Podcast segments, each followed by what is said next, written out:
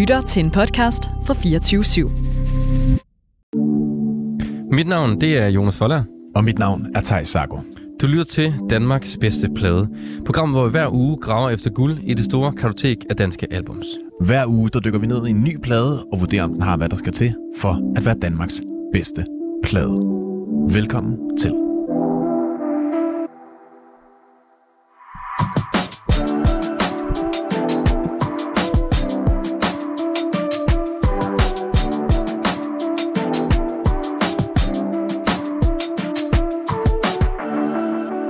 Nå, Thijs, Vi skal til det igen. vi skal til det igen. Jeg har lige fået en uh, tømmerlus på min hånd her. Ja, du, øh, du havde lige en slåskamp med mikrofonstativet, mens vi, Ja. mens vi fik uh, introen her. Og det er jo måske en god måde at starte programmet ud på, det ved. Det synes jeg. Vi skal have noget musik, uh, du kan fokusere på, så du ligesom kan ikke skal tænke så meget på smerten. Ja, og det er jo sådan, at øh, i dag, Thijs, der har vi jo også lavet et andet program. Det har vi jo. Det kan vi lige så godt reklamere for her også. Det synes jeg også.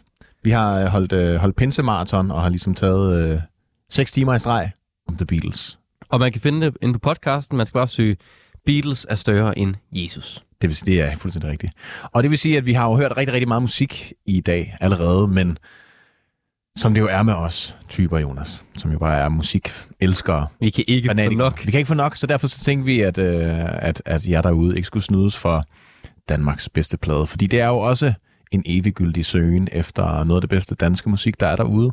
Og i dag, der skal vi jo som sædvanligt høre en dansk plade og se, hvad den kan. Og jeg har fået lov til at vælge plade i dag. Det har du simpelthen. Jonas, hvad for en plade har du taget med? Jeg har måske taget øh, mit bud på øh, både Danmarks bedste plade, men måske også den bedste dansksprogede rockplade nogensinde. Nogensinde. Ja, måske ikke nogensinde. Altså, vi har jo også nogle gasolinplader og, og øh, lidt af hvert. Måske på listen indtil videre. Men i hvert fald, i hvert fald på listen over top 3, synes jeg.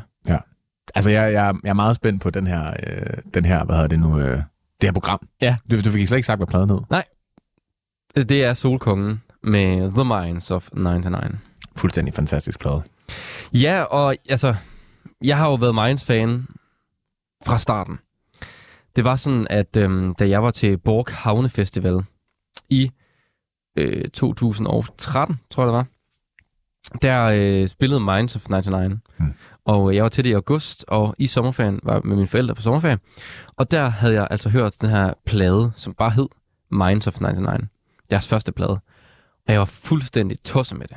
Altså helt fuldstændig vild med det. Og der er også nogle kommentarspor, som man også kan høre, hvor de snakker om alle numrene. Så tog jeg til Borg Havne Festival, og der spillede Minds of 99. Så jeg overtalte mine venner til at tage med mig og høre koncerten. Så vi tog øh, 15 venner afsted til koncerten. Og vi var de eneste 15 til den her koncert kl. 4 om eftermiddagen på Borg Havne Festival. Langt, langt ude i Vestjylland. Og det var en af de bedste koncerter, jeg har været til. Måske kun overgået andre Minds of 99-koncerter. Mm. Øhm, og jeg snakker med bandet inden koncerten og får lov til at synge i mikrofonen til koncerten. Og øh, ender så med at være med i deres øh, dokumentarfilm, Ja. som hedder Stor som sol. Stor som sol. Som jo er titlen på en af, en af tracksene her på, på pladen, vi skal til at høre. Ja, og i, i dokumentaren, der siger øh, Niels Brandt jo også, at der var to drenge, som øh, havde hørt alle numrene. Og nu vil han lige gå ud og snakke med dem. Og så var de to drenge væk. Og det var mig, der var en af de to drenge, og jeg var så gået væk, desværre. Og det synes jeg også er sjovt. Jeg har også set den her dokumentar, da den kom ud Ja, øh, i sin tid. Var det 2018, tror jeg, den kom Ja. ud. Øh, og elskede den her scene, men uvidende omkring, at det var dig, der var en af de her drenge, der stod og hoppede og dansede. Fordi det var jo virkelig sådan, det var jeg 15, der bare gav den fuld max gas Det var det. inde i sådan et øh, klassisk sådan, ja, det vil ikke markedstelt, ja det er ligner en en ikke? havefest. sidder nogen nede på nogle bænke og drikker fadøl i baggrunden eller et eller andet, ikke? men ikke er til koncert. Men hvad, øh, hvad er det sådan ved Minds of 99, som du er så fascineret af, siden du har taget den her plade med? Jamen, jeg tror måske især, det er, hvad Minds gjorde ved Danmark. Mm. Altså Minds 99, de vinder øh, karrierekanonen i, øh, det har så nok været 12 eller 13 eller sådan noget. De vandt det år, hvor Will Smith også vandt, ikke? Ja, præcis. Øh, de vinder karrierekanonen. Og på det her tidspunkt spiller man ikke rockmusik på P3 for eksempel. Mm-mm. Og måske heller ikke, rocken er, nogen siger, at rocken er død på det tidspunkt. Ja, der har været, i, som vi også har hørt af mange andre plader her, Danmarks bedste plade, har der jo været mange store rockplader i nullerne især. Rigtig meget Kashmir, rigtig meget... Øh, Nephew har vi så ikke hørt endnu. Øh, men Mew også, altså sådan indie-rock og rock har været virkelig stort i nullerne, men det er som om, den blev lidt mættet der i slutnullerne. Ja, Og så præcis. var der ligesom behov for et tomrum. Ja, og så kom Minds jo øhm, og lavede det her dansksprogede rockmusik, som næsten mere sådan noget post-punk Mm. musik, øhm, og med rigtig meget elektronisk, og på pladen var der også mange øh, trips, kaldte det det. Numre, der bare kørt ud i en lang køre. Hvad vil postpunk sige? Jamen, det er jo så det, der kommer efter punken. Det er sådan øhm, noget lidt mere moderne punk, som ikke er så punket, men har mange punkede elementer, hvor der sceneoptræden også var sådan lidt punket. Altså et nummer, der hedder Fuglebur, hvor han bare råber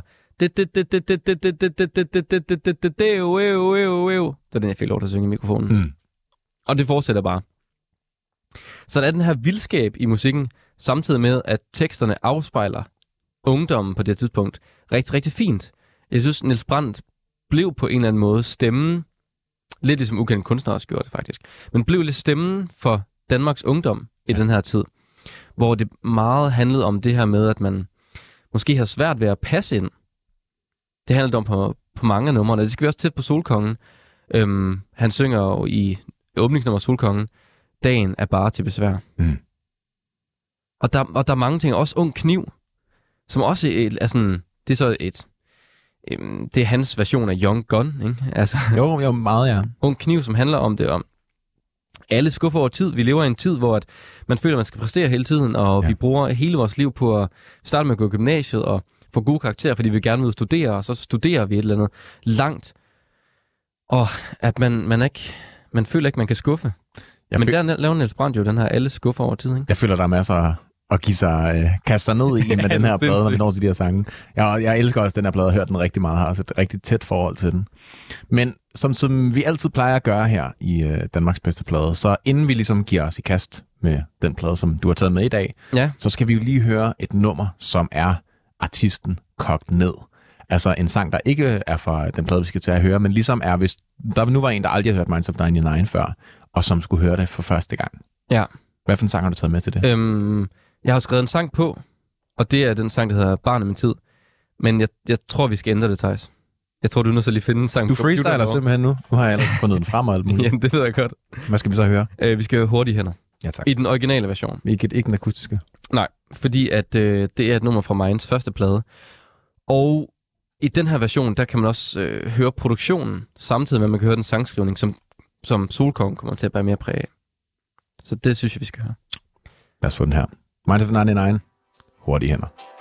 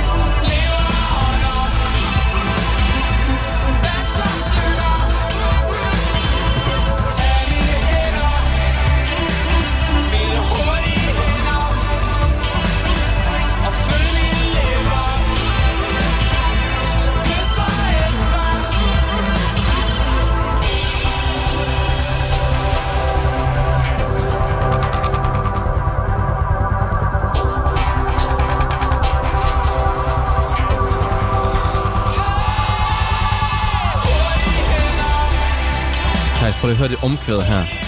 Jamen, det er fuldstændig fantastisk sangskrivning. Jeg synes, det er øh, en så enorm smuk kærlighedssang.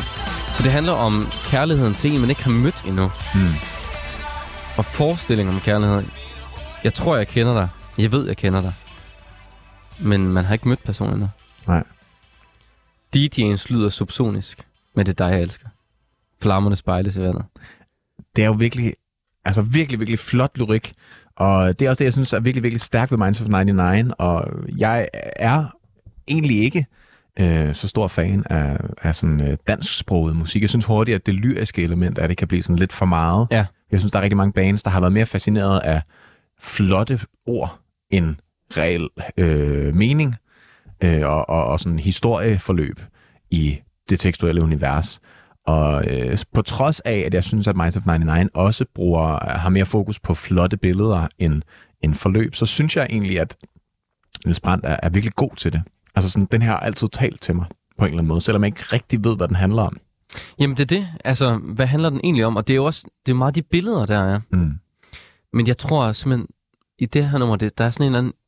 Det er så simpelt. Altså hurtige hænder, hurtige fødder, der lever under, elsker og synger.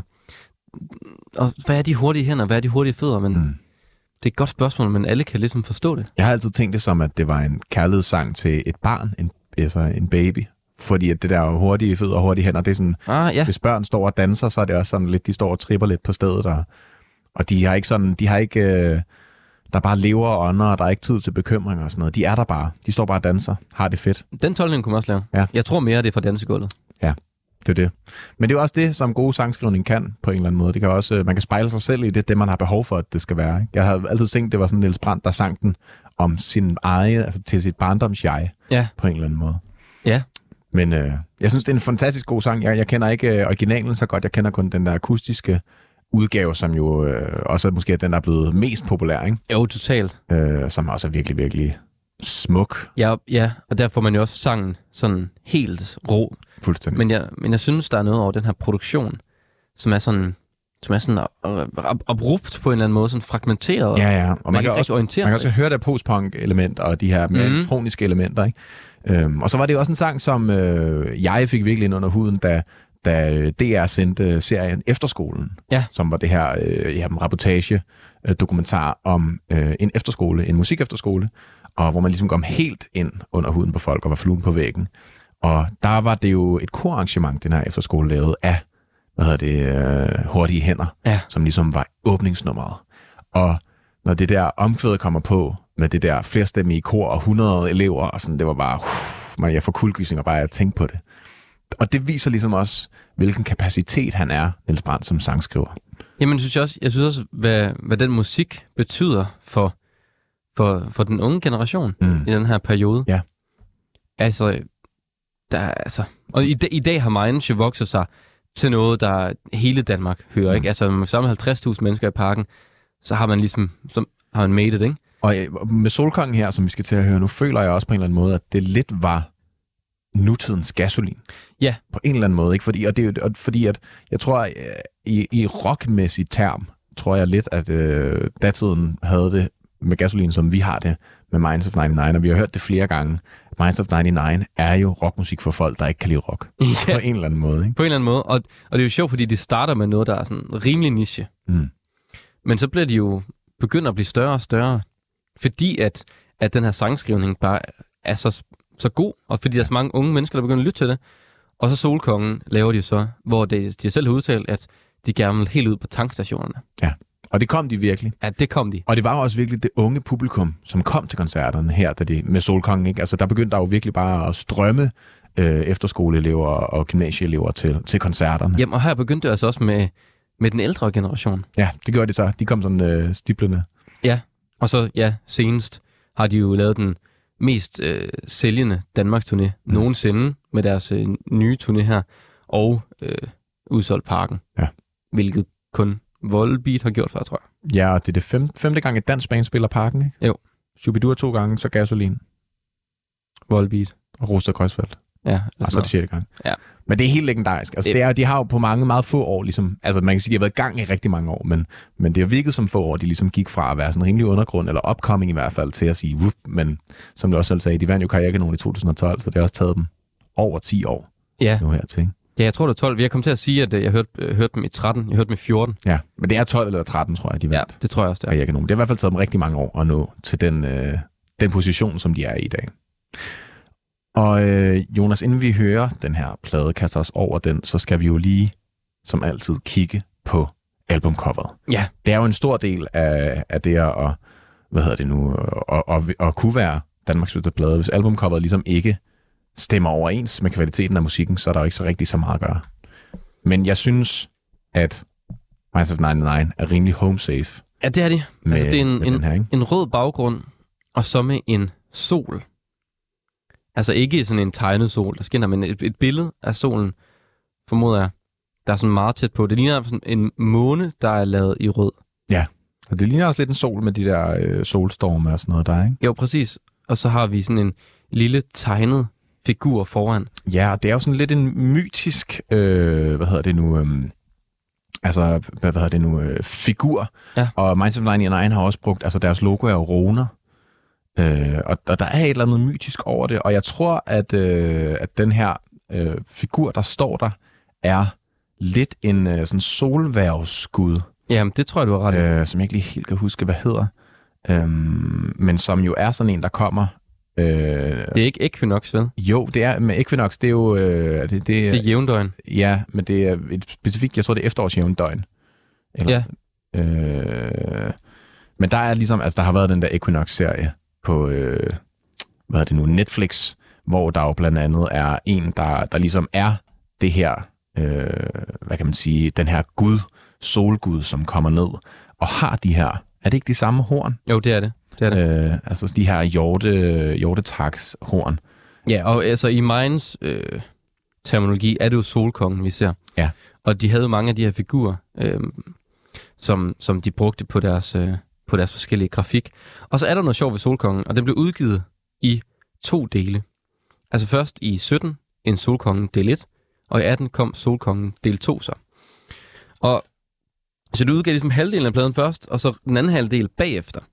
Hvilket er sådan lidt en atypisk måde at udgive en plade på, men som egentlig gav god mening.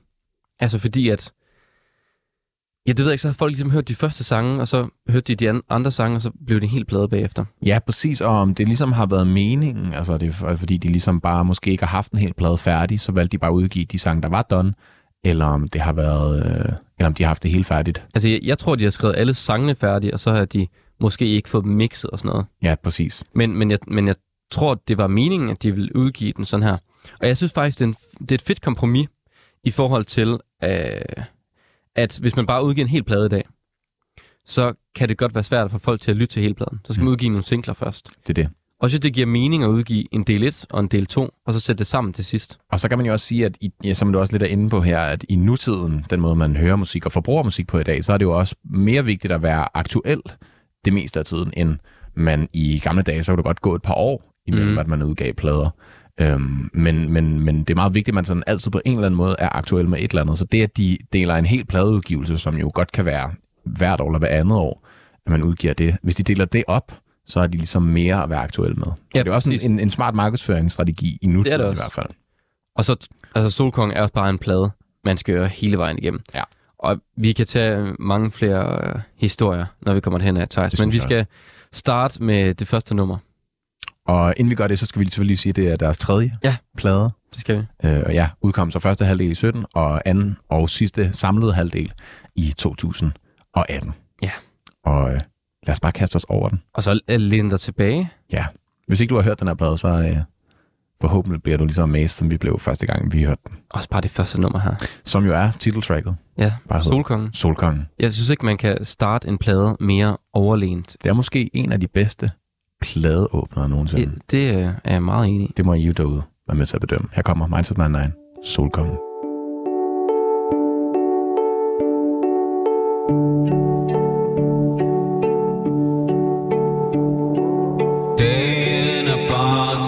til besvær Min ven, du står op, men hvad skal du nu her?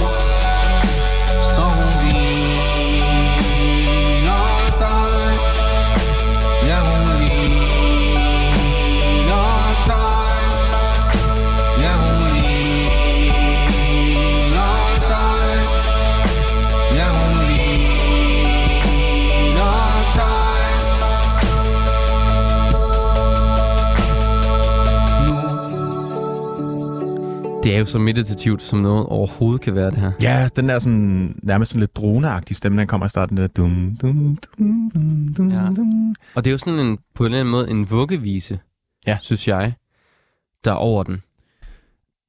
Og så handler sangen jo også om, at Niels Brandt i en drøm vågner op, altså efter han lang tid har, har kæmpet med det her med ikke at hele tiden have det så godt. Ja, han har, jo- han har jo også meget offentligt i hvert fald snakket om, at han...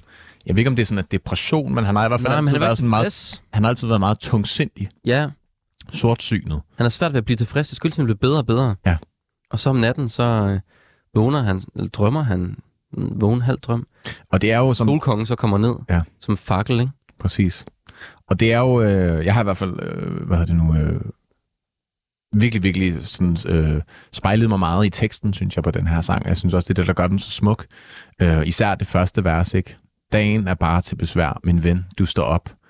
Men hvad skal du nu her? Er du bange for, du bare gør den værre? Ja. Og det er det her med at frygte dagen, ikke? Jo, totalt. Frygte, at man fejler på en eller anden måde, ikke? Og så kommer Solkongen, Ja. som Ja. gjorde for Niels ikke? Ja, men der kommer en måneprinsesse Nå ja, og en mod, modprins. mod en solkonge som dig, ikke? Ja. Og det er jo, øh, det er jo virkelig, virkelig en smuk sang. Og den der dynamiske opbygning, der også kommer op, og der lige kommer trommer på til sidst, det er virkelig en af de sange. Jeg kan huske, jeg så dem live på, øh, på Orange Ja. på Roskilde Festival i 2018. Det var fuldstændig legendarisk, altså. Helt vanvittigt. En af de bedste koncerter, jeg nogensinde har været til. Og jeg så, har desværre ikke set dem i parken, men det vil jeg så gerne. Jeg så dem også i parken, jeg har set dem i Royal Arena. Ja. Altså, Det er bare et af Danmarks bedste livebands. Det er også. det. Det skal man bare ikke glemme. de spiller enormt godt, og så har de bare meget solide i deres levering. Mm. Altså, de er altid meget på. Ja. Og giver en meget intens oplevelse af at være til koncert med dem. På et tidspunkt havde Niels Brandt jo brækket hans ben, Mm. så han ikke kunne hoppe, som han plejede at gøre. Og det gav os bare den nærvær. Ja. Altså, selvom han ikke kan brække benet, så kunne han bare komme med den vildeste energiudladning. Det synes jeg Jeg synes virkelig, det er et, et smukt nummer, Mm. og et nummer, der, der kan rigtig meget. Virkelig meget. Og det kan næste nummer på pladen. Bestemt også. Ja, Det er jo øh, måske også en af mine yndlingssange på den her plade, faktisk. det, det, altså den her sang, det kan jeg så fortælle senere, hvorfor den er så speciel for mig. Mm. Øhm, men det var mig på et tidspunkt. Skal vi bare kaste os over den? Jo, det synes jeg. Minds of 99. Ung kniv. Helt skarp.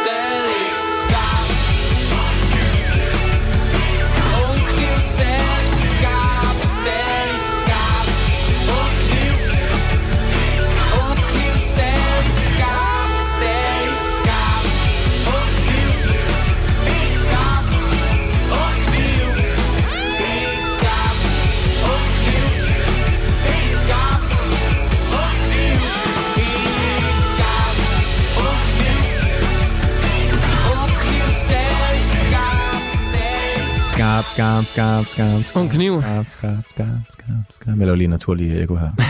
Faderne lige ud. Det er en fantastisk god sang, den her, altså. Det er det. Det er en, en klassiker. Ja, det er det på lidt. Og det var det lidt på en eller anden måde, da den kom ud allerede, føler jeg. Og det blev jo meget en hymne. Mm. Også for Roskilde, ikke? Jo. Roskilde, altså man ved, at man har lavet et hit, når den spiller overalt på Roskilde Festival. Ja. Og det gjorde Ung Kniv, altså. Og altså min personlige historie med Ung Kniv, det var fordi, at øh, jeg boede i Østrig, da anden delen kom ud. Mm. Altså den del, hvor Ung Kniv så ikke er på. Øhm, og hørte det rigtig meget. Og da jeg så kom hjem, øhm, så skulle jeg lige med min ven, øh, det var også to, der afsted sammen, vi kørte lige forbi hans kæreste, fordi han skulle lige hente noget deromme. Og så kom vi ind, og så alle vores venner har lavet surprise party for os. Så øh, 15 af vores bedste venner er deromme øh, hos øh, hans kæreste her. Og så med det samme, vi kom ind ad døren, så sætter de bare ung kniv på. Og vi har ligesom været væk i tre måneder, og så første linje af teksten er bare, åh, hvad hilser min ven, godt at være hjemme igen. Men hver gang jeg tror, det er her, jeg bor, så skal jeg altid ud igen. Mm. Og jeg, jeg synes, det, det siger meget sådan om, også om ungdommen og vores trang til at sådan, jeg tror, jeg drager ud igennem, jeg tror, hun drager med mig hjem. Det er vores jord. Det er her, hun tror, jeg sætter mig og bliver men. Og så, altså hele tiden sådan ud og, og væk, og nyt liv, ny stil, ny bil, nyt gear. Altså, ung kniv, helt skarp. Young gun. Det er det, og det, er altså, det er jo både en... Jeg ser det også rigtig meget, og har også selv følt den rigtig meget som sådan en hymne til ungdommen, og Ja.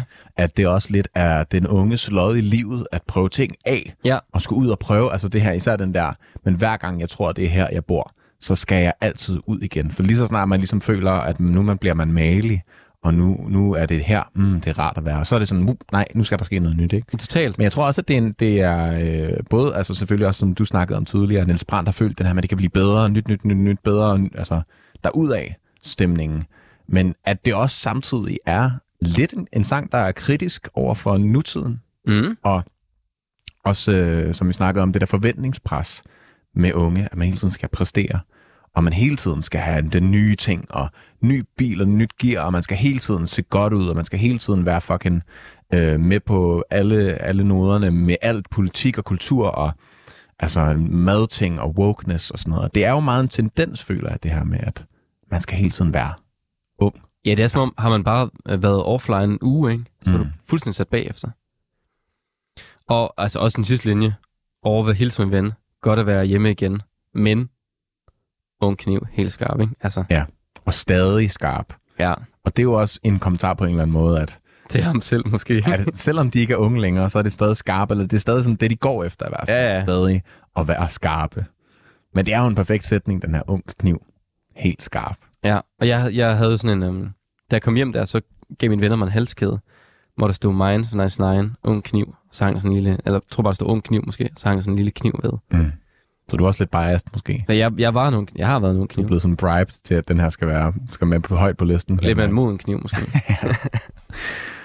Vi skal til næste sang på pladen, som jo altså unægteligt også bare er en af de fedeste sange på pladen. Wow, en tekst. Altså En- her kommer vi virkelig... Ja, her kan man mærke det, synes jeg. Jeg synes, at det er, vi har jo snakket om det før i det her program, Trætins-raketten. Og det her med ligesom at skyde en plade af med tre wow. sindssygt gode sange. Det her er måske min yndlings Trætins-raket. Jamen også fordi, starter med Solkongen, dagen er bare til besvær. Helt og helt melankolsk, og man ligger bare nede i sølet, ikke? Og så er man lige pludselig ung kniv, vil ud og lave alle mulige ting. Helt op at flyve. Godt at være hjemme igen. Ja, Og så finder man ud af, jeg kan også dø. Jeg skal faktisk dø. Alle skal dø. tidspunkt. og det finder man ud af på den Det- her. Og du skal også dø. Vi Am- skal alle sammen dø. Ja, vi behøver gøre det mere, det på mig. Lad os høre noget musik, Jonas, inden det går galt. Minds of 99. I'm gonna die.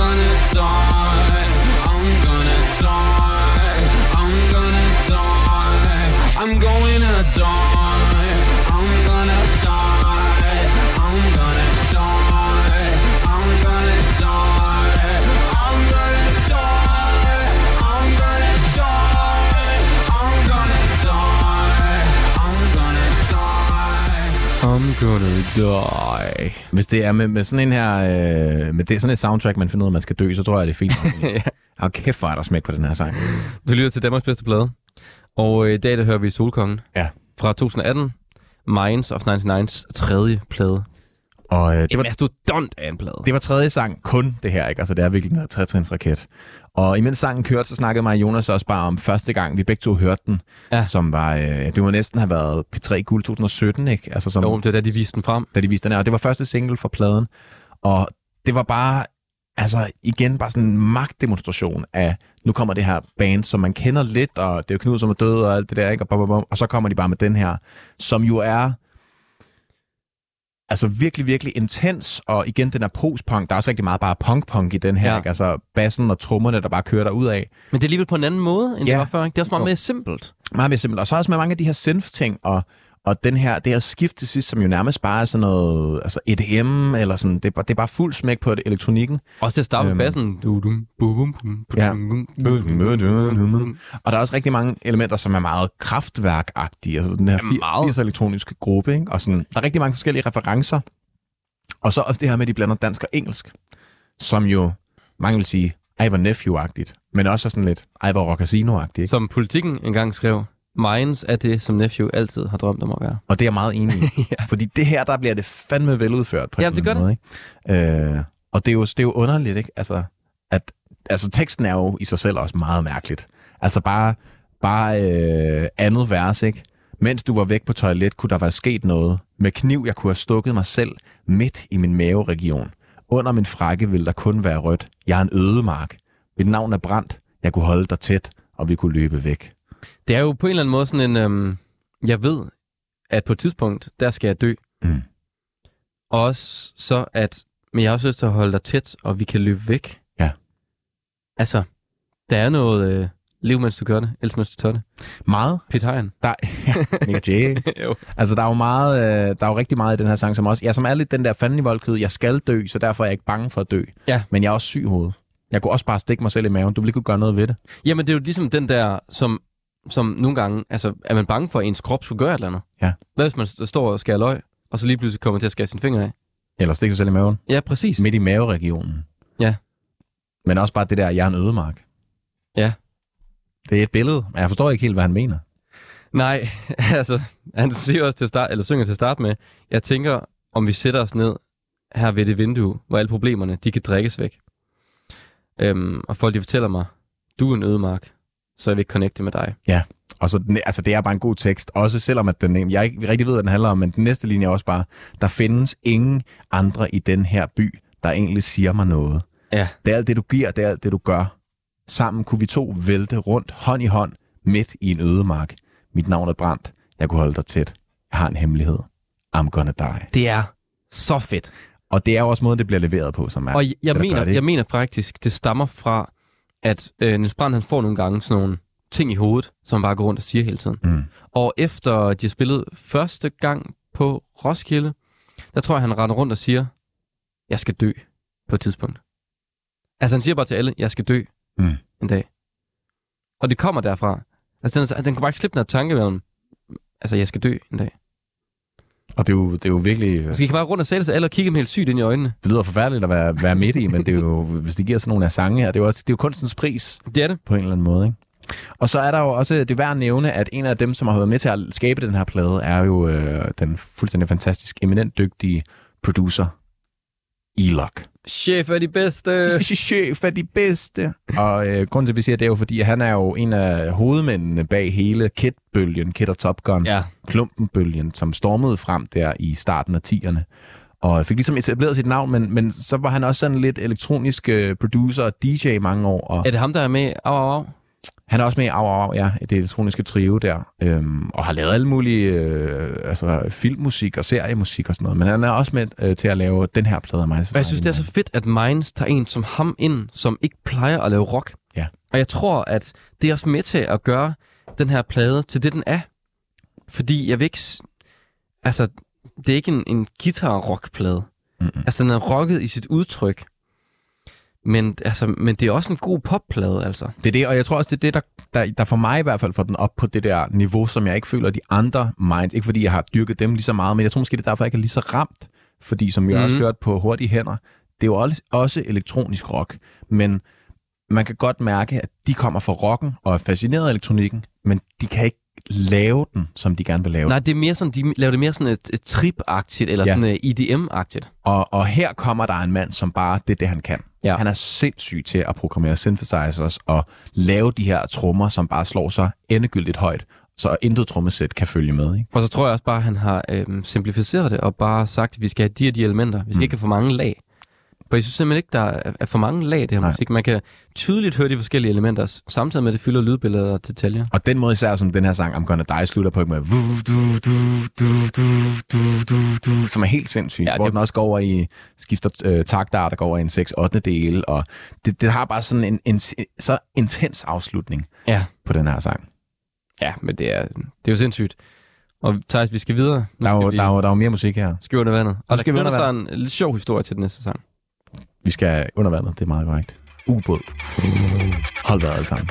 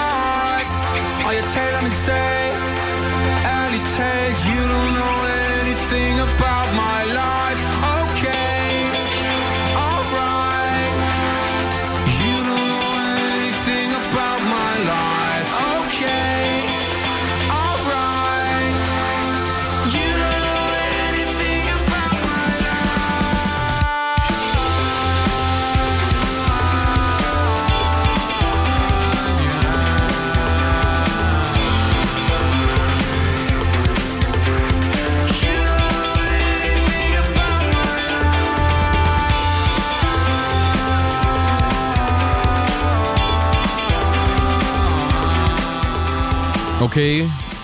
All right. You don't know anything about my life. Så har du sagt, altså. I'm gonna die, og du ved ikke noget om mig. Der er god kronologi i det her, synes jeg simpelthen. Det synes jeg også. Og det, at det passer så godt sammen. Nå, men er vi nødt til at komme forbi det her med den her øh, ubådssang. Ja, hvis man sidder derude og tænker, hov, hov, hov, ved nu lige. Var der ikke noget med ham der raketmassen? Han havde en affære med Nej, ikke, skete. ikke en affære. Ej, men altså, der er sket noget ude i en ubåd. Ja, der var en, der, sk- øh, var en hændelse. Der var en hændelse i en ubåd. Ja. Og jo, det var der. Og nej, det er ikke temamelodien til ham. Nej. Det var bare så tilfældigt slash uheldigt. Ej, man kan sige, det er ikke, det er ikke gået så meget ud over uh, Minds of 99, kan man sige. Men at den her sang kom ud sådan ikke så lang tid efter, at hele den her Peter Madsen af forfærdelige øh, øh, voldsdrabssag Ja. i den der ubåd, ligesom havde fundet sted. Og det er jo også, altså, når, hvis man kigger på teksten Altså- i den her, ikke, det er jo det er jo helt vildt så meget, det godt kunne være Ja. handle, eller godt kunne handle om det, ikke? Han, den handler, den synger, i en ubåd finder jeg mig selv. I min ubåd kigger jeg på systemer. I min ubåd er der atmosfære. I min ubåd trykket kan jeg bære. Og så kommer det øh, senere. Jeg skal lige se, om jeg kan ja, finde det med, at han lægger planer. Flere end du aner, ikke? Ja, lige præcis, ikke? Og You Don't Know Anything About My Life kender virkelig ingen, som der kender mig. Ja. Øhm, og det, det er jo på en eller anden måde... Altså, det kunne godt handle om en eller anden lidt underlig loner-fyr, der bare ligger der nede i den her ubåd og, og sådan helt øh, ligger sådan skumle planer om et eller andet. Og Ekstrabladet lavede jo historien om, Ja. at Minds havde lavet en sang om Peter Madsen. Men det Men, var ikke om men Minds havde jo øh, altså ligesom bevis på, at de havde skrevet den før. Ja. For den handler jo om, at det lige præcis er Niels Brands, der sidder i den her ubåd. Og ubåden, det er jo musikstudiet, ikke? Ja. Som de havde, har sådan, en- ligger som en bunker nede under jorden. Så det er også klart, at det er en, en slags ubåd, og han kigger på systemer Ja. og lægger planer. Præcis. Og You Don't Know Anything About My Life. Ja. Det her, selvom han, man ser ham på scener og alt muligt, så ved man ikke, at han faktisk bruger måske mange af sine vågne timer nede i det studie der. Ikke? Bare sidder og, og laver musik under jorden. Der er jo rigtig mange af de her øh, sikkerhedsbunker, en verdenskrigbunker, som ligesom i dag bliver brugt som lydstudier og øvelokaler, som ligger rundt omkring København og. Og Thaj, så er det også vigtigt, og nu har jeg snakket meget om Niels Brandt, men vi skal også nævne de andre i bandet. ja. Ja, det er jo øh, virkelig et band-band. Det er jo ikke bare frontmand med øh, backup-musikere. Overhovedet ikke. Altså, der er jo øh, Anders Folke Larsen på gitaren. Så er der Asger Wissing på bas. Jakob Bæk Hansen, han spiller synthesizer, og han øh, programmerer og spiller keyboard. Louis Clausen på trommer, og Niels Brandt på vokal. Og så tidligere var der jo en, der hed Mikkel Bæk Hansen med. Han er med på de to første plader. Men gik simpelthen ud af bandet. Og som man bruger til, hvem af dem var det? Øh, øh, bror til øh, Jakob Bæk Hansen. Ja. Øh, men gik ud af bandet her på den her plade. Øh, har været, men har været med til at skrive en af numrene fra pladen også. Og den kommer vi jo til at høre.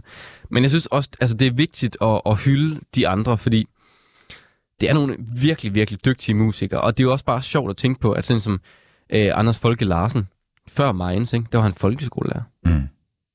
Han bliver, hvad han hedder, ikke? Og nu, og nu, nu, nu spiller han øh, altså guitar solo for 50.000 mennesker. Var han, var han ikke, også, var han ikke efterskolelærer? Jo, det kan være, det er F-skolelærer. Fordi han, jeg, jeg har i hvert fald hørt, at han havde øh, drengene fra Barcelona Det havde han også. på efterskolen. Og det var derfor, at, Undervist med musik. og så øh, sendte han sendte til Barcelona nummeret til Anders der, og så viste han det til de andre, og så hævde de dem ind på pladeselskabet. Og de varmede også op for dem på et tidspunkt. Ja, det gjorde det også. tror jeg.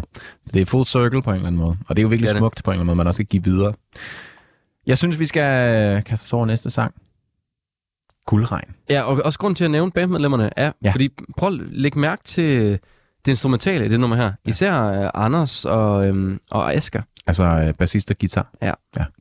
Det skal vi gøre. Guldregn. Kom her. Ikke gulddreng, men guldregn. Guldregn.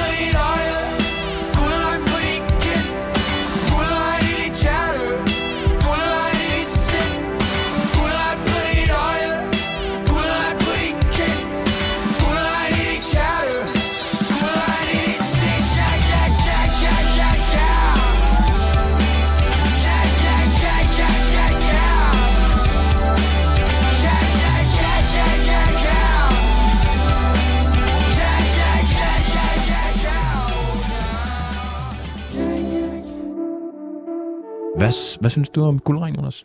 Jeg synes, det er et godt nummer. Jeg synes, det viser dem som instrumentalister. Øhm, både Jakob på synthesizeren, egentlig også Louis på trommerne, og Asker og Anders på henholdsvis øh, guitar og bas. Mm. Og så synes jeg, at altså, jeg synes, det er et spændende nummer. Altså, det er ikke den helt store tekst, men jeg synes, det er en fed reference, fordi den refererer til et nummer, der hedder Guldregn af Kim Larsen, hvor han synger, om han håber, at han vinder en stor præmie, så kan jeg invitere dig med på hotel, og jeg kan købe en lejlighed på Frederiksberg og invitere dig på Dangleterre. Men der er vel også der er vel flere referencer i den her, ikke? fordi de synger også på et tidspunkt, vi har et skib, der skal sejle i nat. Ja, det er ja, jo at ski- Guldkysten. Ja, men det er jo også, skibet skal sejle i nat. Om også det. Nå, men jeg tænkte også øh, Guldkysten med, altså, det ved jeg ikke, om det er det, de refererer til. Altså, før i tiden, da vi havde øh, koloniseret øh, Guldkysten, og man, man sejlede med varer, lavede trekantsejl. Det kan også sagtens passe. Altså. Det er det, og det er jo det med mindset. Man kan jo gøre det lidt til, hvad man har lyst til. Ja, På en eller anden måde.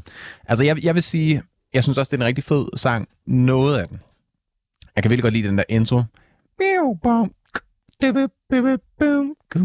Altså sådan det der groove, der kommer der, som er meget funky på en eller anden måde. Men jeg har også nogle steder i sangen, hvor jeg synes, det bliver sådan lidt for jammet. Og det er måske også fordi, at jeg ikke rigtig er så stor fan af, sådan den der første umiddelbare Ja, Minds lyd, som du jo virkelig har dyrket meget. Helt det der, hvor det er meget, meget jammet, og det er nogle lange, lange sange, og lange forløb, der ligesom bare syrer ud. mm. Og jeg synes godt, det kan blive sådan lidt for syre, lidt for, okay, er det live-koncert, det her? men, men jeg synes, det er vigtigt, at de har den med, fordi at, øh, altså Guldregn er jo ikke et nummer, der er blevet spillet så meget i radioen, for eksempel. Mm-mm. Altså, det er jo et, det nogen vil kalde et album-track. Og det var det, du sagde, det er også det, det med færre streams, ikke? Øh, ej, det er ikke det med Eller- færre streams, okay. faktisk. Den har alligevel øh, 2,3 millioner. Ja, okay. Ikke fordi de skal på streams. Nej, nej. Det er mange. Nej, det er, I det er til rigtig mange. Ja, ja, bestemt, bestemt, bestemt. Og det er også mere, jeg synes, de binder en, en, en de, laver en rød tråd fra, fra de gamle plader. Mm. Ved også at have det her med. For det er også en stor del af Minds. Og, det- og det er rigtigt nok, altså, og- og jeg tror også, at den grund synes jeg også, at det har sin berettigelse. Men jeg tror også bare, at, at, at for mig i hvert fald, når man sætter barn så højt med de fire sidste sange, jeg vil også sige, verset i ubåd er heller ikke min yndlingsting. Men sådan i hvert fald trætrinsraketten i starten, så skal man leve op i Ja. hvert fald. Og hvor er det, at øh, vi snakkede om i starten, at den her plade blev udgivet som en, øh, eller første halvdel og anden halvdel.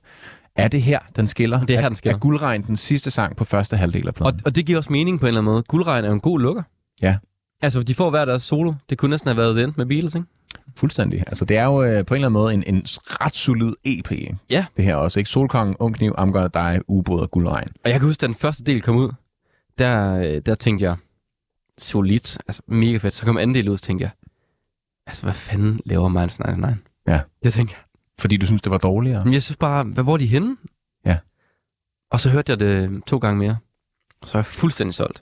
Og det er også fordi, at de næste sange, vi skal til, er sådan lidt mere Kim Larsen-agtige. Ja.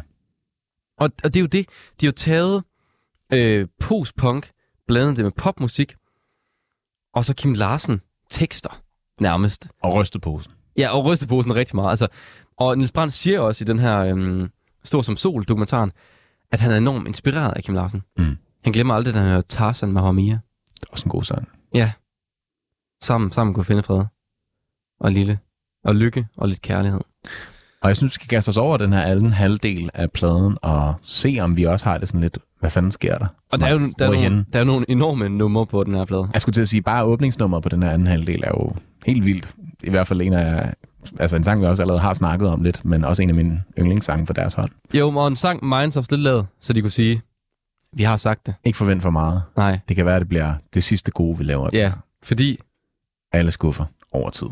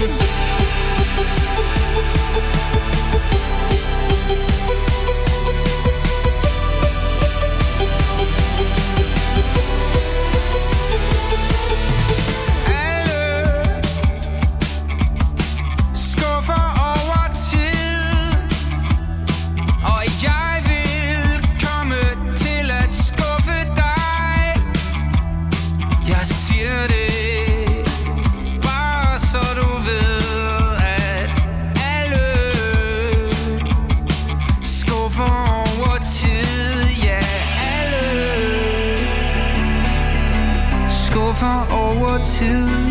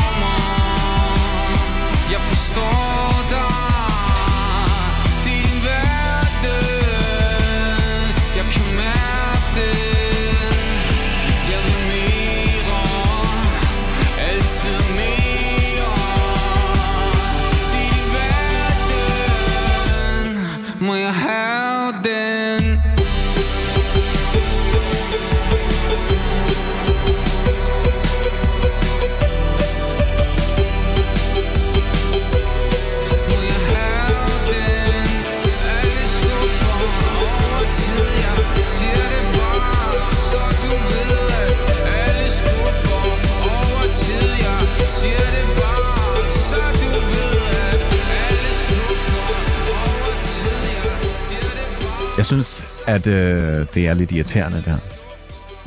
ja, vi skal skrue ned. Ja, både det, men også at lave en sang, der hedder Alle skuffer over tid, og jeg vil komme til at skuffe dig med en så god sang. Ja, Det var lidt ligesom den gang, hvor Christian Bitz sagde, at han også synder og spiser en croissant en gang imellem. Det er sådan Ja, lidt irriterende at være så perfekt, og så sige, at jamen, jeg er jo også lidt uperfekt, ikke?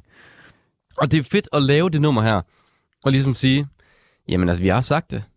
Alle skuffer over tid. Det er nice med en public service announcement. Mhm. Sådan, bare for FYI, vi kommer nok ikke til at være lige så gode her altid.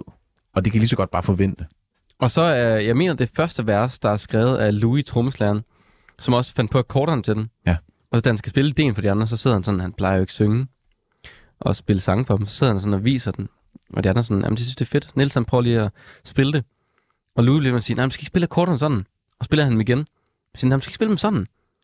Og så Niels er kommet til at vende akkorderne om. Så i stedet for at starte med den første akkord, starter han med den øh, sidste akkord, tror jeg det er. Ej, hvor sjovt. Og, øhm, og så bliver øh, nummeret ligesom til. Jeg mener også, at de laver det her på øh, gæstegiveren på Bornholm. Ja, den her legendariske øh, hotel er det jo. Ja, Hotel der, der hvor restaurant gasolin og- gik i opløsning, ikke? Jo, præcis. Og som jo øh, er et sted, der trods den ikke så store kapacitet, jeg tror, jeg har aldrig været der, men jeg tror, at hvis nok kun der kan være sådan noget 200-300 mennesker eller et eller andet til koncert, Ja. så er de jo, altså det er jo nogle af de største navne i Danmark, De er alle store navne. der spiller hver sommer derovre.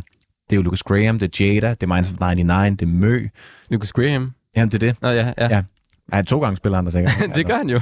Og det er, jo, det er jo helt vildt, og der, der er et eller andet mysisk over det der sted. Og det er jo også der, hvor de skriver, øh, ser man i, i Stor som en sol-dokumentaren, at de laver meget af pladen, men så dog uden, uden for sæson, ikke? så de ligesom har stedet for sig selv. og så snakker de jo også her om, altså det her med Jakob er gået ud.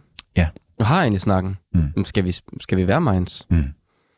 Øhm, samme sted som gasolin. Er stoppet. Og det valgte de så heldigvis ikke at gøre. Ja, det er vi mange, der er glade for, kan man Og sige. jeg synes, der er mange ting ved det her nummer, som gør det til en, en klassiker. Altså, alle kan synge med på det. Det er meget nemt at synge med på. Og så er der simpelthen noget over den her guitar solo, som Anders Folke Larsen han Ja, og den, den, er, den, er, sådan, den er skæv. Ja. På en eller anden måde. Det er som om, han bare har gået ind, og så er det bare one take, han taget den. Altså, det er jo en super heltesolo på en eller anden måde, ikke? Det er det. der smadrer dig ud af. Det er helt fuzz-pedalen, helt i bund, og ja, som du sagde, noget synth-agtige lydende indover. Eller sådan. Ja. Den er så spids. Ja, totalt. Ja. Og det må være svært at skulle spille den live hver gang. Fordi det er ikke bare sådan en... Er det den her, hvor jeg har set nogle klip fra øh, gæstgiveren blandt andet, hvor at han så, det er jo sådan et, et lille indlukket øh, gård, og så er der en scene, og så er der ligesom nogle øh, værelser og sådan noget i sådan en to-etagers hus Ja. ja. bagved.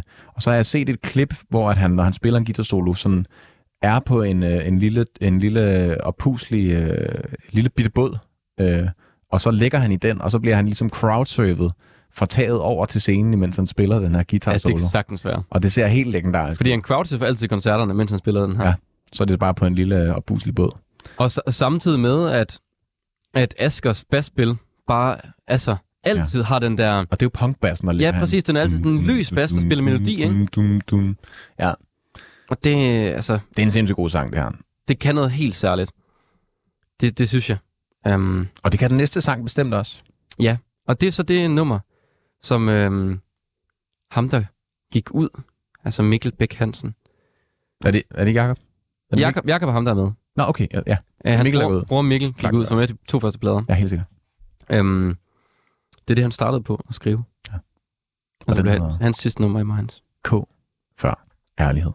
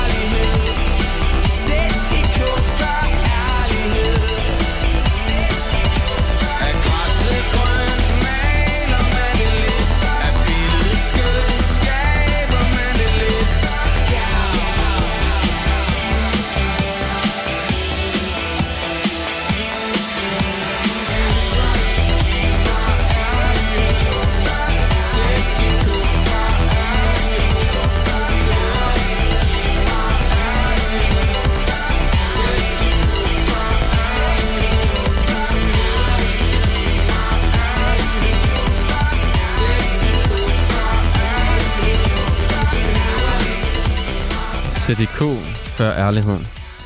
Det er jo, øh, som du også var lidt inde på, Jonas, en meget øh, Kim Larsensk Ja. tekst på en eller anden måde. Ikke? Eller sådan, det kunne han godt have fundet på at sige. Ja, han sunget det på en anden måde, ikke? Men jo, altså, jo, jo, klart, øh, klart mindre øh, rocket, og den her den var ligesom pakket anderledes ind, tror jeg, hvis det havde været, øh, hvis det havde været Kim Larsen, der havde været bagmanden på den her. men, men, altså, men der, altså, de kan bare noget med hooks. Ja, og sådan, øh, jeg synes også, at de har igen den der tekst, øh, som, som ligesom på en eller anden måde er, er noget, altså det er noget, vi alle sammen kan forstå, selvom man ikke rigtig ved, hvad den handler om, så kan man forstå den der, sæt dit K for ærlighed, ikke? Altså, Jo, og, og i teksten synger han også, det passer. Jeg har festet lidt for meget, for jeg vil aldrig misse noget. Og du har aldrig manglet noget. Og den tid, som der er gået. Vi behøver ikke sige så meget om alle de ting, som vi har nået. Mm. Mm. Alle de ting, som vi har fået. og det er det. Og det der, er græsset grønt, maler man det lidt. Er plænen løb, øh, lidt tør, vander man den lidt. Mm. Er billedet ikke kønt, skaber man det lidt. Ja. Det der med at skabe virkeligheden. Også lidt en kommentar til den måde, man bruger Instagram på. Og Ja. Ja, ja, man kan, man kan tune alt på man kan liv. ændre, ændre, øh, man kan ændre, hvad hedder det nu, øh, virkeligheden, ikke? Altså, Jo. Og især det her, så de K for ærlighed, som jo så staver man kærlighed lige pludselig, ikke? Men også at sætte noget før ærlighed, det er ligesom, at der er noget, man hellere vil end andet, ikke? Mm. Og ja, man kan igen, altså tekstuelt, det er virkelig flotte ting, og de skaber noget spillet, men jeg, jeg har også lidt svært ved nogle gange at finde ud af, hvad det betyder. Ja, og det, og, men, jeg, men jeg synes, det er så fint, at, at det er simpelt, Mm. men det kan betyde så mange ting. Ja. Øhm, og derfor tror man så hurtigt kan tabe ind i det. Vi skal jo videre i teksten. Tiden øh, løber afsted, og det gør det jo, når man hører god musik. Næste sang på pladen, hedder Stor som en sol. Flad som pandekage. Flad som pandekage. Jeg har været åben. Jeg har været helt tilgængelig. Men det der var dråben. Ja, det der var helt forfærdeligt. Jeg kan ikke mere. Jeg vil ikke acceptere. Så nu det med våben jeg ikke vil aflevere. Ja, du siger det som det er. Men heller ikke mere.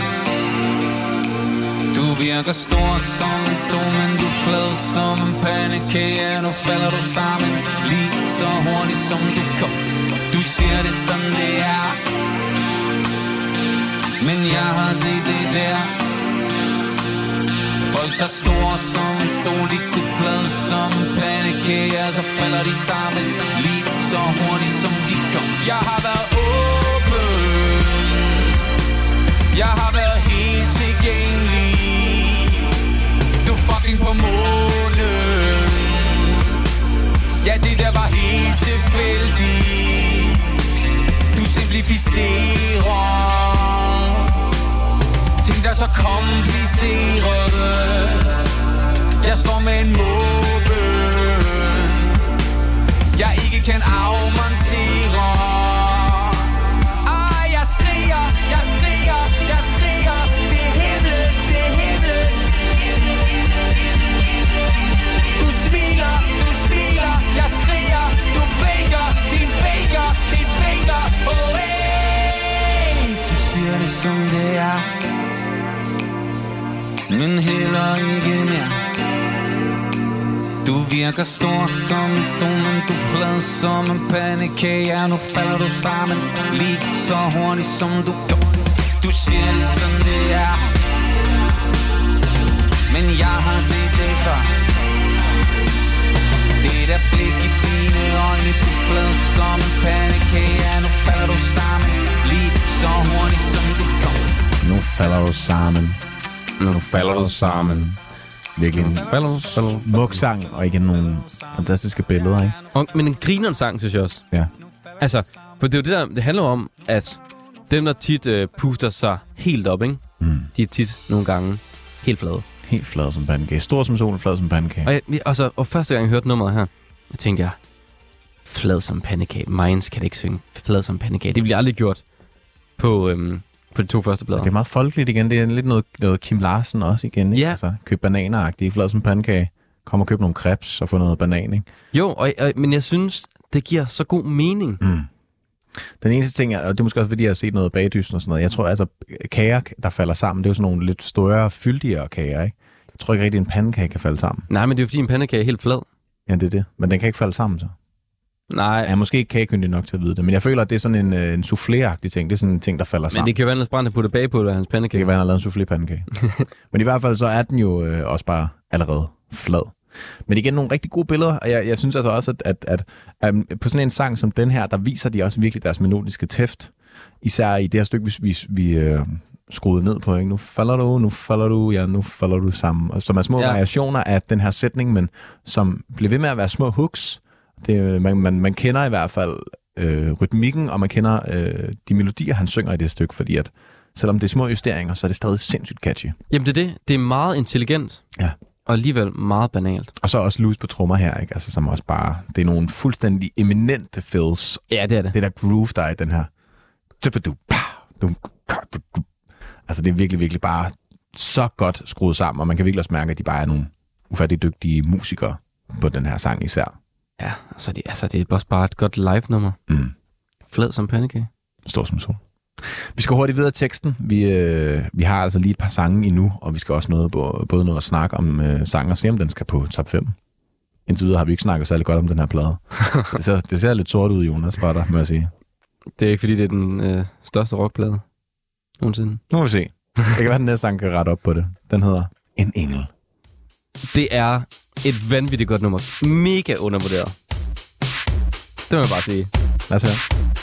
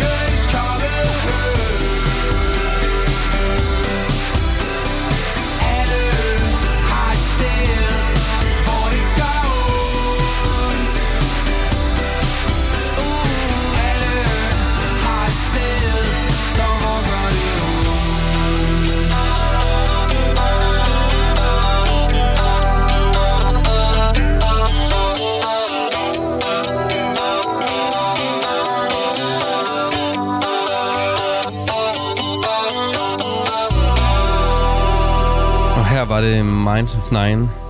En engel. Altså, hvilket fantastisk nummer. Jeg synes, der er... Altså, Thijs, jeg synes, der er noget over det her nummer. Jeg synes, der er noget over teksten. Øh, nu skal jeg lige tænde din mikrofon det også. ville være dejligt. så man kan høre dig. her. Du sagde ja. Det gør jeg i hvert fald. Jamen, det er rigtigt. Der er et eller andet over den, som jeg også synes er, øh, igen, altså meget Kim Larsens på en eller anden måde. Det her med, at øh, før, øh, hvad det, hvad, før en dag er omme, har jeg set en engel komme. Ja. Og det er jo meget, øh, altså det kunne, det kunne jeg bare godt forestille mig i sådan en lidt mere akustisk udgave, at høre sådan hele Danmarks nationalskjald synge ud over en eller anden stor øh, Ja. koncertskare, ikke? eller sådan en eller anden kæmpe folkemængde. Og øh, Og så, og så han synger om det her med de engle her. Må den vil være barn med vinger på. Må den vil ligne mig. Mm. Må den vil være flink og bare forstå mig for alle mine fejl. Ja. Det, på en eller anden måde handler det om at komme i himlen. Og det spiller også meget godt ind i det, som vi også har snakket om tidligere med I'm Gonna Die, som var på første halvdel af pladen, som jeg også på en eller anden måde ser som en lidt mere øh, eksistentialistisk halvdel Ja. af pladen. Ikke? Altså sådan øh, den første udspil, som kom, øh, altså både med, med Ung Kniv og I'm Gonna Die, Solkongen og ubåd og sådan noget. Det er jo meget sådan sange, der på en, eller anden, på en eller anden måde handler lidt om, hvilken skæbne man har, eller hvad for et liv man mm. lever. Og man enten er helt op at flyve og, og synes, man er for fed, eller man er helt nede i kulkælderen og ikke kan se mening med det. Og så synes jeg på en eller anden måde, at den her anden halvdel er lidt mere øh, menneskelig, Mm. eller sådan lidt mere tilgivende. Alle skuffer over tid og sæt dit k for ærlighed. Stor som en sol, som en pandekage. Man, man sådan også accepterer det her med, at, at, når man, at, det, at man skal lade være med at pusse sig for meget op, og det er også okay at være flad som en pandekage. Ikke? Og så den Ja. her en engel, det er jo en anden måde at snakke om døden på. Der snakker han jo ligesom om, okay, men nu er jeg ligesom kommet til erkendelsen af, at jeg skal dø. Nu snakker vi bare om engle, om hvordan de her engle ser ud, og ja. Jeg synes, Ja. det er en lidt lysere halvdel af pladen på en eller anden måde. Ikke? Og han synger også, om jeg er den, der folder, om jeg er den, som tør. Det er lige meget, hvad jeg gør. Alt ender ligesom før. Mm. Det, det er, jeg, jeg, jeg er fuldstændig fanget af hans tekster. Og jeg synes, det, det er enormt svært at få de her tekster, sådan, det, der er bare noget levering over dem. Fordi hvis jeg sad og sang det her med en guitar, så ville det bare ikke lyde på samme måde. der er klart et eller andet sådan øh, fuldstændig legendarisk og magisk over Niels Brands vokal. Og, øh, og det synes jeg virkelig også, man får lov til at høre på, på den her plade. I, også især sådan på sange som I'm Gonna Die, hvor han jo bare råber igennem. Og den der dybde, der også er i Solkongen for eksempel, synes jeg virkelig, virkelig er magisk. Der er noget, noget helt særligt tone over Niels Brandt, som bare ikke lyder noget andet. Jo, Ja, det lyder lidt af Kim Larsen. Han synger lidt som Kim Larsen, ikke? Den der københavnske dialekt Ja, og det der meget nasale nogle gange. Altså, han er jo meget nasal i sin sang, meget. sang øh, lyd. Men også hans connection til publikum. Mm. Altså, han er meget intens på scenen og Ja. kigger folk meget dybt i øjnene og enormt meget til stede. Nu skal vi høre et nummer, der hedder Ideen er død. Næst sidste sang på pladen. Næste sang er... Gang i trommerne her, hva'? Okay. Det lyder lidt som Stormand på en eller anden måde. ja.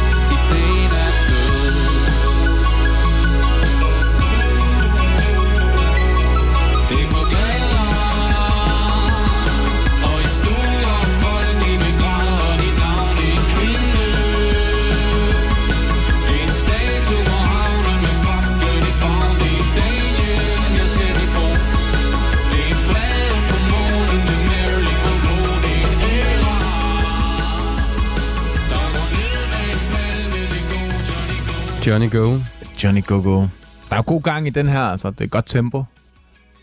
Ja, også, altså, så synes jeg bare, at det er en kritik af USA. Altså, Amerika er død. Ideen, Ideen er død. Hvad er det for en idé, der er død, Jonas? Det er den amerikanske drøm, tror jeg. Ja. Øhm, Niels Brandt synger også øh, det lyde, som vi kender fra før, fra 43. Ja. Ja, en verdenskrig. Det er en visken, der blev til støj, så skreg de det højt. Jeg ved ikke, hvordan han siger det til dig. Det piner mig. Han så ligesom op med Amerika på det her nummer. Og det er en statue med havn, øh, på havnen med faklen i favn. Det er flaget på månen med Marilyn Monroe. Det er en ære, der går ned bag en palme. Det er Go, Johnny Go Go. Og det er måske også, øh, nu kender jeg jo ikke så meget til Minds of 99, sådan øh, personlige ambitioner, men jeg kunne måske forestille mig, at det er jo, de er også lidt oppe i alderen efterhånden. Og øh, hvor, hvad var de midt 30'erne, da de udgav den her plade? Øh, ej, de var noget ældre. Var det slut 30'erne? Skal vi se, hvor den er gammel. Ja, Niels- Brandt er 38 nu. Ja, så, ja, så de var sådan noget midt 30'erne. Han var sådan Ja. noget 4-35 eller Ja, noget, da ja. den kom ud. Ikke? Altså, og jeg kunne forestille mig, når de har jo de har lavet musik i mange år, og har været et band, og i forskellige konstellationer, og lavet alle mulige forskellige slags musik, at de måske altid har haft lidt en ambition og drøm om at komme til USA. Så. Ja. det var måske, det her sang er måske lidt en erkendelse af, at, at selvom at det måske stadig er lidt derfor, man laver musik, for man tænker, at de store scener kommer over at bo i Hollywood, Hills, Over there. Beverly Hills, ikke, og spille i Madison Square Garden eller et eller andet, ikke? Og til palmerne. at så er det måske egentlig ikke det, man gider at stå inden for. Man gider ikke rigtig at være en del af den der drøm. Nej. Og derfor er ideen om det dødt. Måske. Ja, og, og at Johnny Go, ikke? Ja, ja. Lidt Chuck Berry. Ja, ja, det tror jeg. Go Johnny Go Go. Ja, Johnny Be Good. ja Johnny Be Good, Det ja. tror jeg, Chuck Berry er. Der er, bare, altså, der er mange referencer den her. Jeg synes, han gør det på sådan en meget fin måde, og en meget øh, subtil måde, egentlig. Øhm. Jeg ved ikke, hvor lang tid der gik. Der var lidt panik. Det var som om, det kom nedefra. Nej, ovenfra. Jeg ved ikke, hvad du har hørt, men løbet er kørt. Mm. Jeg ved, du er svært indeni. Du græder, fordi ideen er død. Men det er måske også det, altså sådan øh, den her anerkendelse af, at man har en drøm, som ikke bliver til noget. Ikke? Ja. Ja, spørgsmålet er, om det, om det er en kritik af Amerika sig selv, eller om det er deres drøm, der dør. Ja. Eller måske begge dele. Måske begge dele. Det er jo også, øh, ja, Trump var jo præsident på det tidspunkt. Ja, præcis. Så det kan også sagtens have været en sang, de skriver om det, ikke? Jo, og det, sådan ser jeg det også meget. Især det her, men det lyder som noget, vi kender fra før, fra 43. Mm. En kritik af Trumps måde at- dele landet op på, måske. Ja, måske. I'll build a wall. Build the wall. Vi skal til sidste sang på pladen, som hedder Parentes. Tak for i dag.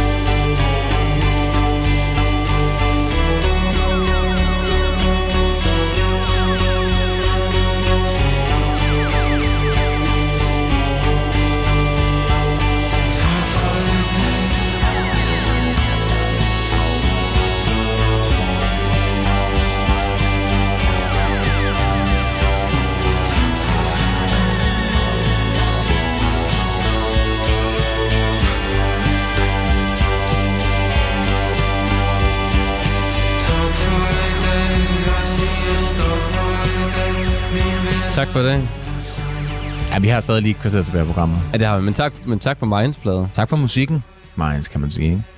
Og det er jo øh, noget af en sang at slutte på, det her. Ja, det er et meget anderledes nummer. Måske er det også derfor, den står i parentes. Ja. Enten er det en kommentar til, at øh, det er ikke helt slut for det endnu. Eller også er det en, en kommentar om par, et parentesnummer. ja, måske. Det er sådan lidt underligt. Den ikke? falder lidt ud af fra pladen. Den falder lidt ud af lyden, og så også mixet bare sådan, hvor i forhold til, hvor hi-fi mange af, af de andre ting er, så er den lidt mere uh, DIY, den er lidt gritty, den er sådan lidt sådan 80'er, øh, sådan, jeg ved ikke, altså lidt punk-agtigt, men, men sådan melankolsk punk. Altså der er sådan lidt, jeg hører lidt U2 i den, jeg hører lidt The Cure, Ja. jeg hører lidt Pixies, men sådan en lidt, klart mere dyster øh, stemning, ikke? Altså det er sådan lidt mere, øh, det er lidt mere mørk. Og det er det eneste nummer, som øh, Elok ikke har været med på os. Ja. Det er det eneste han ikke har været med til at producere. Og så er der meget sådan, den er meget mellemmørk, mellemtone, ikke? Altså Det er meget mellemtone. dybt her. Tak for i dag. Og der er meget øh, rumklang på vokalen, og det er lidt ligesom sådan en, en, en dynamisk pølse, der bare kører der ud af. Der er ikke så meget, der er ikke så meget skift i, om der er vers eller bro eller omkvæd. Altså, det er ligesom bare bandet, der tøffer afsted. Men den leder i virkeligheden godt op til albumet, der kommer bagefter, Infinity ja. Action, Ja, det har jeg så ikke hørt så meget. hvor der er et nummer som Emil på. Ja. Det har du hørt. Det har jeg hørt, og det er meget Kim Larsen, ja. Ja, præcis. Men også den, den leder meget godt op til det nummer på en eller anden måde, synes jeg. Mm. Øhm, og leder godt videre. Men jeg synes, det er en flot lukker, det her. Altså også fordi, sådan, det er jo også en, en når, man, når man laver så god en åbner, så kan det også godt være lidt svært nogle gange at lukke en plade. Ikke? Ja. Altså, og det synes jeg egentlig, de lykkes rigtig godt med her. Jeg, på- synes- jeg synes også, det er, en, det, er en, det er en fin lukker. Det er sådan en... Nu lukker vi baren. Alle gæster skal ud. Ja, det er lidt om lidt bliver, Lige- bliver der stille, ikke? Jo, præcis. Ja. Det er det. Og det kunne den egentlig måske godt blive brugt som en slags uh, tak for i aften, ikke? Tak for i dag. Jo. Det passer den godt til. Skal vi uh, give os kast med at snakke om selve pladen, Jonas? Det skal vi.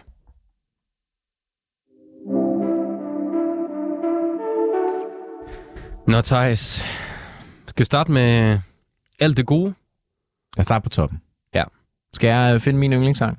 Ja, gør du det? Svært, synes jeg. Det er faktisk rigtig svært her. Synes jeg er rigtig svært. Der er nogle rigtig, rigtig gode sange på den her, og øh, der er også nogle, der er gode, som har nogle ikke så fede stykker og sådan noget, men, men jeg tror måske, den jeg... Der er to for mig. Må jeg prøve at gætte dem? Ja. Jeg tror, den ene er Solkongen.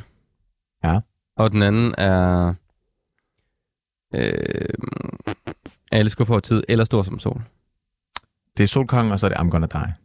Okay. Og det er to forskellige, jeg tror, også, det, det, det, det er de to forskellige boldgader, jeg ligesom føler, der er minds Ja. på den her plade. Der er den helt triste nede i sølet på en eller anden måde.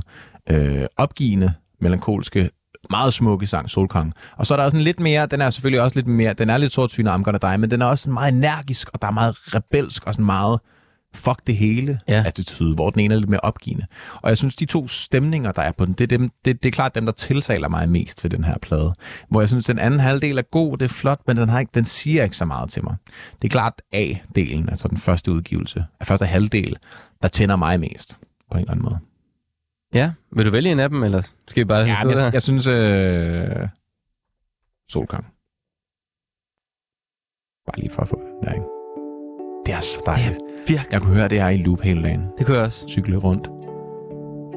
Det er så rart. Cykle rundt på en sky, ikke? Bare svæve rundt over København. Det er så Bare dejligt. ligge og læse tegneserier på en sky. Fuldstændig. Og have det lidt, have det lidt sort. Ja, drikke en rød sodavand. Hvad med dig, Jonas? Det er jo dig, der har haft pladen med. Du, må, du kan ikke vælge hele pladen. Nej, jamen jeg har godt nok svært ved at vælge i dag, som jeg jo altid har, ikke? Men altså, Om, forhåbentlig kan du huske sangen lidt bedre, end du plejer. ja, det kan jeg. Alle skuffer over tid, synes jeg er et fantastisk nummer. Øhm, synes jeg, øh, I'm Gonna On Die, synes jeg også er et vildt godt nummer. Mm. Solkongen, fantastisk nummer. Altså, jeg vil sige, jeg er i tvivl, om det skal være Solkongen, om det skal være Alle skuffer over tid, eller om det skal være Ung Kniv. Mm. Og øhm, Alle skuffer over tid, synes jeg har de her monster folkelige elementer, der gør, alle kan synge med på den. Ja. Solkongen har det mest fantastiske, storladende opbygning. Og Ung Kniv, det er bare et hit. Og jeg tror for mig simpelthen, det er Ung Kniv, der vinder. Den er også fucking fed. For jeg synes, den har en vildt fed energi, der bare gør, at man bare har lyst til at Leve. ja, leve og bare gøre alle mulige ting. Mm. Det er den udødelige ungdom. Ja. Øhm, det synes jeg virkelig. Hvis vi så hurtigt skal snakke om den dårlige side. Ja. Fordi den er der jo også. Den Ja. eksisterer jo, selvom pladen er rigtig god. Altså, det er jo lidt ligesom at... Ja, det ved jeg ikke. Skulle finde en grim Ferrari eller eller andet. ja, okay, jeg synes, jeg er lidt nemmere ved at finde. Okay. Jeg tror måske, du kan vel ikke rigtig spole i det, men jeg tror måske, og det er også det, der er ikke rigtig sådan en sang, altså vi siger, der er klart nogle af sangene, der er stærkere end andre. Der er ikke en sang, jeg sådan synes er dårlig, dårlig, men jeg tror måske, at jeg synes, guldregn er sådan lidt det der, er, det er en ære, badam, dam, da, da. Det synes jeg blev lidt enerverende. Jeg synes Og måske også, mere også, den der, også den synth-solo, der er og sådan noget. Og vi har et skib, der skal sejle i nat og sådan noget. Jeg synes, det bliver sådan lidt for let købt. I forhold til, at de har lavet Solkong, Ung Kniv, I'm Gonna Die. Altså, der, er- det er bare... Det er også fordi, de kommer efter den. Ja, Det tror jeg er klart, at jeg synes er sådan den dårligste sang på pladen. prøv at gå ind på Spotify, så kan det være, du kan hoppe ind i det måske. Ja, men jeg kan tro, at jeg kan gøre det her faktisk. Kan det det? Nej, det kan jeg ikke. Nej. Jeg prøver lige hurtigt at gøre det ind på Spotify. Fordi vi skal, vi skal lige... Øh... Fordi at, altså, det, er det det der øh, øh, B-stykke, der du mener? Jeg tror, det er det herinde. Den her solo er sådan lidt Ja. weird også.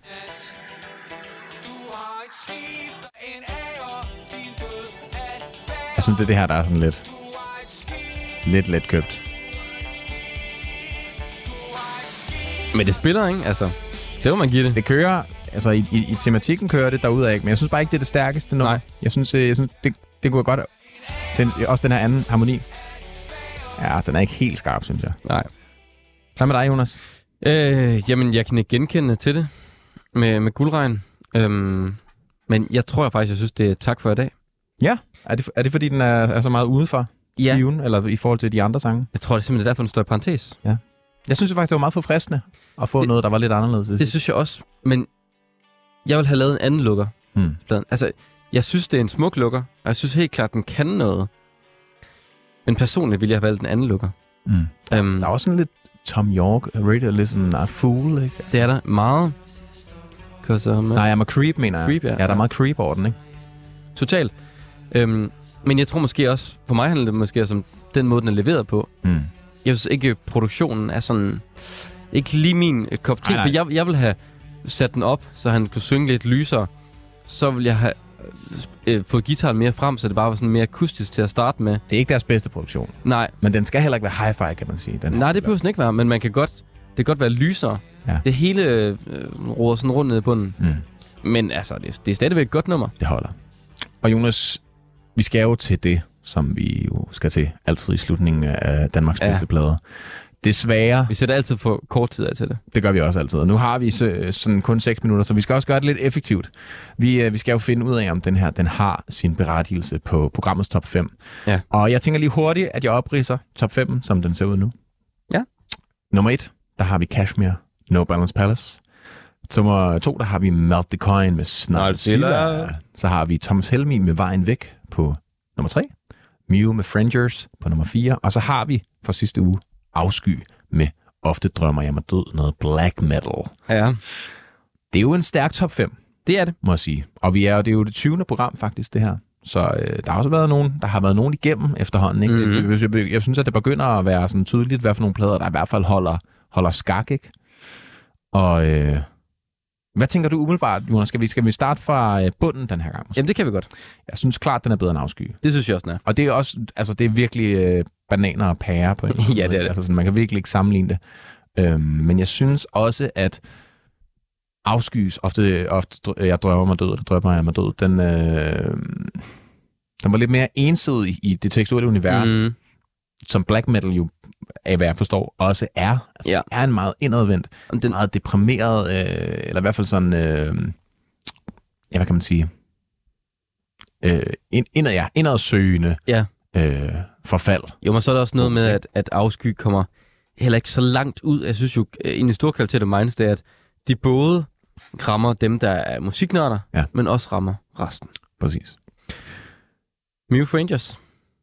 Ja, den bedre end Mew Rangers. Jeg synes jo personligt, den er det. Det jeg synes ved, jeg, jeg, ved, jeg synes også, den er. jeg, altså, jeg ved, der er rigtig mange derude, der vil, der vil sætte ild til Danmarks bedste pladeplakater fra nu af. Der kommer, der kommer rammeskrig i gaderne efter det her. Men jeg synes det er bestemt. Det synes jeg også, den er. 100 procent. Der kan, der kan komme for en soundseffekten i grædet ned. Tredjepladsen, Thomas Helmi, Vejen væk. Jeg synes, den slår vejen væk. Altså, jeg tror jo, at den her plade om 10-20 år Mm. det, altså, det bliver historisk. Altså, der er noget før, og der er noget efter Solkongen. Altså Ja. dansk musik i Danmark. Ja, bestemt. Vi havde ikke haft øh, sådan et nummer som Stor Mand, Muki Bar, alt det, der hitter lige nu. Der er sådan en grund til, at Tobias Rahim varmede op for Minds, da de spillede i, Mm. mm. i parken. Men, men jeg synes også, at, altså, jeg synes også, at man kan sige, at Helmi også er, øh, er en, der mangler så på skuldrene af. Men jeg vil klart sige, at Vejen Væk-pladen er måske også en mere tidstypisk plade. Den er virkelig 80'er, ikke? Jo, og så er der, så er der nogle gode numre på den. Ja. Altså, vi har Sirene-sangen, som er et gasoline-cover på den. Jeg synes, det var, jeg synes, det var faktisk et godt cover. Men, men jeg Det synes, synes den jeg er, men den er så tidstypisk 80'er-agtig. Den er ikke sådan øh, evigt gyldig, som jeg tror, at den her plade. Jeg tror, at den her plade kommer til at vokse med ynde Det tror jeg. på en eller anden måde. Som jeg også synes, at, at Thomas Helmi-pladen har gjort. Men der skal man ligesom lige tage nogle øh, 80'er-briller på, for lige at forstå æstetikken fuldkommen. Og så den forud for sin tid, den plade her jo.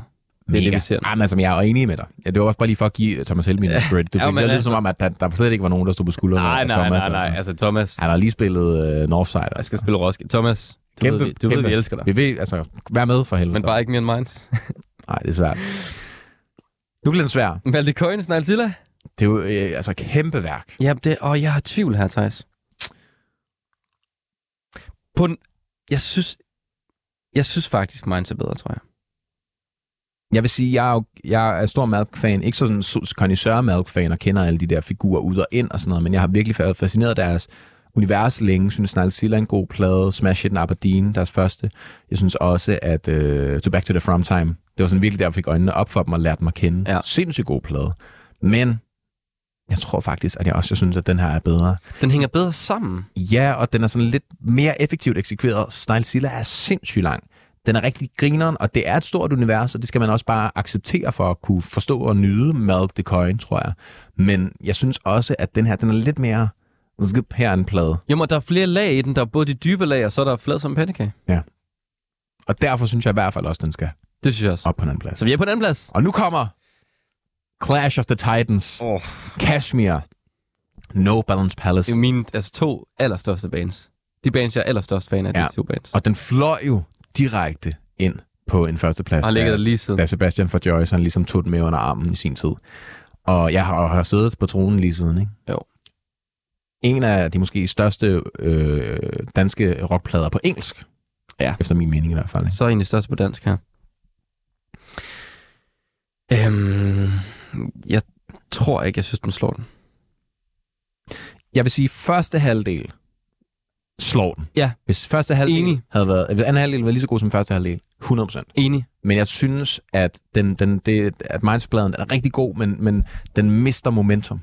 Ja, Og derfor synes jeg heller ikke, at den slår, øh, den slår øh, Kashmirs. Kashmirs, og, og Kashmir blander, altså, de har også, ja, det ved jeg ikke, de er gået mindre på kompromis med sig selv. Den er fuldstændig kompromis, kompromisløs plade. Kæmpe ambitiøs plade. Så jeg synes, den lander der. Den lander simpelthen på en anden plads. Det er fandme dejligt. Solid placering, synes jeg. Velfortjent også. Rigtig, rigtig god Meget plade. velfortjent. Så en af de bedste plader, der er blevet udgivet i Danmark i mange år. Synes Ja, totalt. Og klart en af de bedste øh, rockplader i Det mange er år. spændende, at vi skal holde den op mod gasolin, hva'? Altså, vi har jo virkelig gjort den her mission svært ja. for os selv.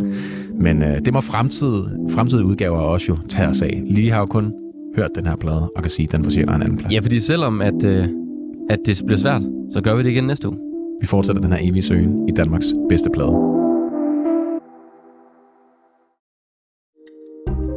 Kære lytter, du har lyttet til et program fra 24 /7. Du kan finde meget mere modig, nysgerrig og magtkritisk taleradio på 24 7 appen Hent den i App Store og Google Play.